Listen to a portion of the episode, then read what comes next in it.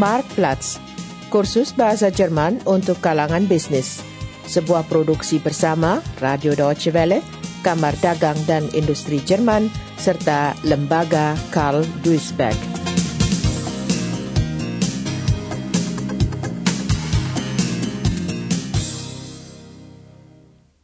Episode 24 Angkutan Sungai dan Logistik Seperti biasa, suasana di pelabuhan diwarnai kesibukan.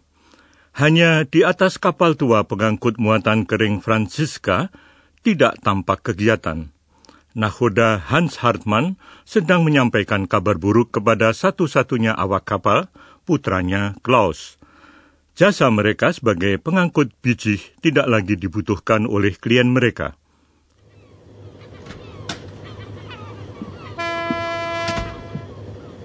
Klaus. Na, Vater. Bist du ja endlich. Das hat ja lange gedauert. Und wie war's?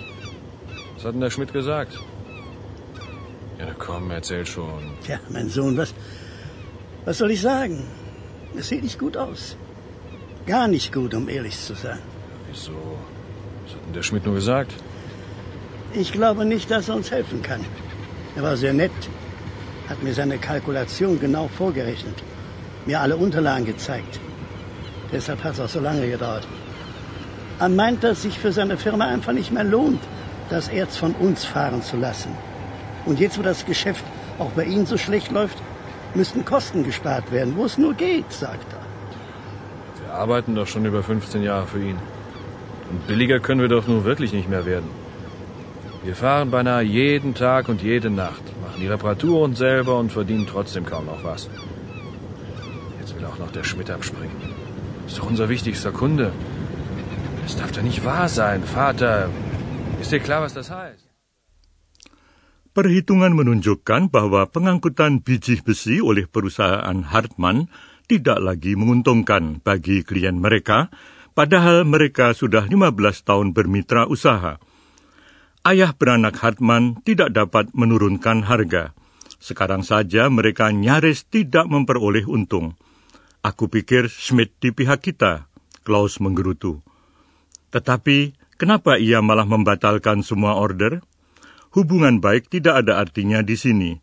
Schmidt harus berusaha mendapatkan angkutan semurah mungkin untuk muatannya. Kalau baja produksi perusahaannya menjadi lebih mahal karena biaya angkutan, maka para pesaingnya akan merebut semua pelanggannya. Ja, das brauchst du mir nicht zu erzählen. Wenn wir keine neuen Aufträge reinbekommen, und zwar sehr bald, dann müssen wir aufgeben, Schiff verkaufen. Und das nach fast 30 Jahren schuften, schuften, schuften. Ich dachte immer, der Schmidt wäre uns gut besonnen. Der weiß doch genau, wie es um uns steht. Wie kann er uns bloß jetzt die Aufträge streichen, gerade jetzt? Ja, der Schmidt ist da auch nur ein Angestellter. Der kriegt Druck von oben, muss gucken, dass er die Sachen der Firma möglichst billig transportiert bekommt. Sonst wird der Staat zu teuer und die Konkurrenz, die jagt ihre Kunden ab. Hans Hartmann sadar bahwa situasinya nyaris tanpa harapan. Kapalnya terlalu tua. Dewasa ini, pengangkutan biji besi di sungai Rhine hampir seluruhnya dilakukan dengan tongkang besar berkapasitas 16.000 ton. Kapal pengangkut muatan kering dengan kapasitas 6.000 ton tidak dapat menghasilkan keuntungan. Order mereka masih cukup untuk setengah tahun. Tetapi setelah itu bagaimana? Mereka hanya bisa mengharapkan proyek baru yang pernah disinggung bekas pemberi order mereka, Pak Schmidt. Wieso sind wir denn zu teuer? Die anderen Motorschiffe können das Erz doch auch nicht billiger transportieren. Oder fahren die jetzt das ganze Erz mit ihrer eigenen Flotte? Du weißt doch genau, was los ist. Unsere gute Franziska ist doch total veraltert. Guck dich doch mal um hier im Hafen und auf dem Rhein. Das Erz transportieren da fast nur noch die großen Schubschiffe. Die sind schneller als wir und können viel mehr laden, die mit ihren 16.000 Tonnen. Da sind wir mit unseren 6.000 doch total unrentabel. Das sind ja feine Aussichten. Ja und? Was machen wir denn jetzt? Es muss doch was passieren. Wir können doch unser Schiff nicht so einfach aufgeben. Tja, Klaus, tut mir leid. Weiß auch nicht weiter. Ich sehe da ziemlich schwarz. Unsere Aufträge reichen noch für ein halbes Jahr. Bis dahin können wir noch durchhalten. Ein halbes Jahr. Tja, und was dann? Nächste Woche gehe ich nochmal zu Schmidt. Er hat gesagt, dass er vielleicht eine Lösung für uns wüsste. Was genau, hat er aber nicht gesagt. Irgend so ein neues Projekt. Müsste er aber erstmal mit der Chefetage abklären. Saat ini bukanlah saat yang mengembirakan bagi angkutan sungai di Jerman, meskipun angkutan sungai termasuk sarana transportasi yang ramah lingkungan.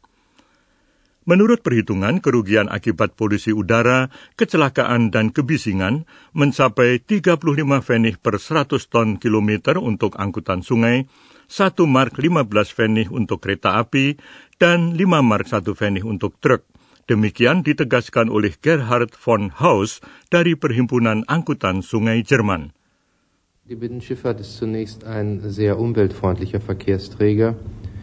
Die Kosten, die durch Luftverschmutzung, durch Unfälle und auch durch Lärm entstehen, werden bei der Binnenschifffahrt pro 100 Tonnenkilometer von wissenschaftlichen Instituten mit 35 Pfennig berechnet. Bei der Bahn sind es bereits 1 Mark 15 und beim LKW 5 Mark und 1. Angkutan sungai membawa muatan curah, yakni batu bara, biji besi, pupuk, bahan bangunan, produk-produk minyak bumi. Demikian dijelaskan oleh Hans von Haus. Es sind die typischen Massengüter wie Kohle oder Eisenerz, Düngemittel, Baustoffe, Mineralölprodukte. Das sind so die Hauptgruppen, die transportiert werden insgesamt etwa 240 Millionen Tonnen in Deutschland mit deutschen, aber auch mit ausländischen Schiffen. Angkutan sungai mempunyai kelebihan berarti dalam pengangkutan muatan curah. Tetapi pemberi order utama, yaitu industri batu bara, besi, dan baja, sedang mengalami krisis. Volume muatan curah di Jerman dan Eropa terus menyusut. Banyak pemilik kapal kehilangan pekerjaan, sebagian berharap dapat menemukan pemberi order baru. Usaha pengangkutan peti kemas lewat sungai dianggap mempunyai masa depan yang baik. Usaha kapal kontainer di sungai Rhine menunjukkan tingkat pertumbuhan yang tinggi. Demikian komentar Gerhard von Haus. Ja, es gibt eine Entwicklung zu der Containerschifffahrt. Wir haben in den letzten Jahren erhebliche Steigungsraten auf den Rhein gehabt, was die Containerschifffahrt anging. Die Zuwachsraten sind exorbitant hoch. Sementara itu, kapal pengangkut muatan kering Francisca dengan kedua awaknya berlayar ke hulu melewati perkebunan anggur pada bukit-bukit asri di tepian. Namun Hans dan Klaus Hartmann tidak memperhatikan keindahan alam pikiran mereka dihantui keharusan mendapatkan pelanggan baru. Barangkali mereka dapat membawa muatan selain biji besi. Kalau saja masalahnya begitu mudah, palka kapal mereka tidak cocok untuk mengangkut mobil, minyak, atau mesin. Dan bagaimana dengan peti kemas? Tanya Klaus. Tetapi ayahnya menolak dengan tegas perombakan kapal mereka akan menghabiskan biaya besar, dan setelah itu mereka harus menambah awak. Belum lagi soal pemeliharaan peti kemasnya sendiri, hanya perusahaan angkutan besar yang mampu menangani itu. Lagi pula, si nahoda tua yakin angkutan peti kemas lewat sungai tidak akan berhasil. Angkutan sungai tidak akan mampu menyaingi kereta api dan angkutan jalan raya. Vater? Ja? Ich habe noch mal nachgedacht. Ja. Wenn das mit dem Erz nichts mehr ist, dann müssen wir eben umstellen. Ja, auch andere Sachen fahren. Da muss doch irgendwas zu machen sein. Ja, glaubst du, das ist mir nicht auch schon eingefallen? Wenn das so einfach wäre. Du kennst ja unser Schiff und den Laderaum. Wir können doch jetzt nicht einfach Autos oder Öl transportieren oder Maschinen. Das geht doch nicht. Das weißt du doch selber. Na, wie wär's zum Beispiel mit äh, Container? Ja. Warum machen wir es nicht so wie der Horst? Der holt die Dinger am Seehafen in Rotterdam ab und bringt sie dann überall an die Häfen hier am Rhein. Ist doch viel zu teuer. Der Umbau für unser Schiff, die Verladeanlagen. Wir müssen neue Leute anstellen. Die Container müssen sauber gemacht werden, repariert, gelagert. Das können wir doch gar nicht anbieten. Das machen doch die großen Speditionen. Da sind wir viel zu klein für. Außerdem, wenn du mich fragst, wird sich das mit den Containern auf dem Schiff sowieso nie durchsetzen. Die Bahnen und die LKWs sind doch viel schneller als wir und auch nicht teurer. Memang benar, kereta api dan truk semakin banyak merebut pelanggan. Bagaimana mungkin mereka mampu menawarkan harga yang begitu murah? Mudah sekali, kata Hans Hartmann. Mereka sendiri nyaris tidak mendapat untung. Mereka sekadar berusaha menyingkirkan semua pesaing. Wahr. Die holen uns immer mehr Kunden weg. Das kann doch eigentlich gar nicht sein. Ich möchte mal wissen, wie die kalkulieren. Ich kann mir gar nicht vorstellen, wie die so billig anbieten können. Bei denen ist der Druck eben auch riesig. Die haben kaum noch Gewinne, versuchen nur die Konkurrenz aus dem Geschäft zu drängen. Masalah distribusi barang kepada konsumen serta masalah angkutan dan pergudangan bahan baku dan komponen produksi termasuk dalam bidang logistik niaga. Logistik adalah teori perencanaan. Tujuannya adalah menjamin ketersediaan barang dalam jumlah yang tepat, di tempat yang tepat, pada waktu yang tepat. Dengan demikian, terhentinya kegiatan produksi dan usaha dapat dicegah. Logistik merupakan salah satu faktor biaya terpenting dalam perusahaan. Karena itu, biaya angkutan dan penyimpanan harus terus dikontrol. Konsultan logistik asal Köln, Wolfgang Dommert, mengembangkan konsep logistik berdasarkan kebutuhan khas para kliennya. Pada umumnya mereka berhasil mencapai penurunan biaya yang signifikan, antara 8 dan 30 persen. Berikut ulasan Domert mengenai potensi penghematan. Erfahrungswerte in der Branche liegen zwischen 8 und 30 Prozent. In der Regel haben wir Werte zwischen 12 und 15 Prozent erreicht. Jadi, perencanaan yang cermat dapat menekan biaya logistik sampai sepertiga. Menurut pengalaman Wolfgang Domert, perusahaan kecil sering kali tidak mengetahui besaran sesungguhnya dari biaya logistik mereka. Mereka meremehkan faktor tersebut. Wir stellen immer wieder fest, dass die wirklichen Kosten der Logistik nicht gesamthaft bekannt sind und weit, weit unterschätzt werden. Masalah utama pada logistik adalah pengangkutan barang. Berbagai kemungkinan tersedia untuk membawa barang dari titik A ke titik B. Masing-masing metode pengangkutan memiliki kelebihan dan kekurangan. Faktor kecepatan pada dasarnya tidak menentukan. Yang penting adalah bahwa barang dalam jumlah tertentu diantar tepat waktu ke tempat yang tepat. Pabrik mobil misalnya setiap hari membutuhkan bumper dalam jumlah tertentu untuk berproduksi logistik yang terencana menjamin tersedianya jumlah tersebut tidak lebih dan tidak kurang. Cara ini mengurangi biaya pergudangan.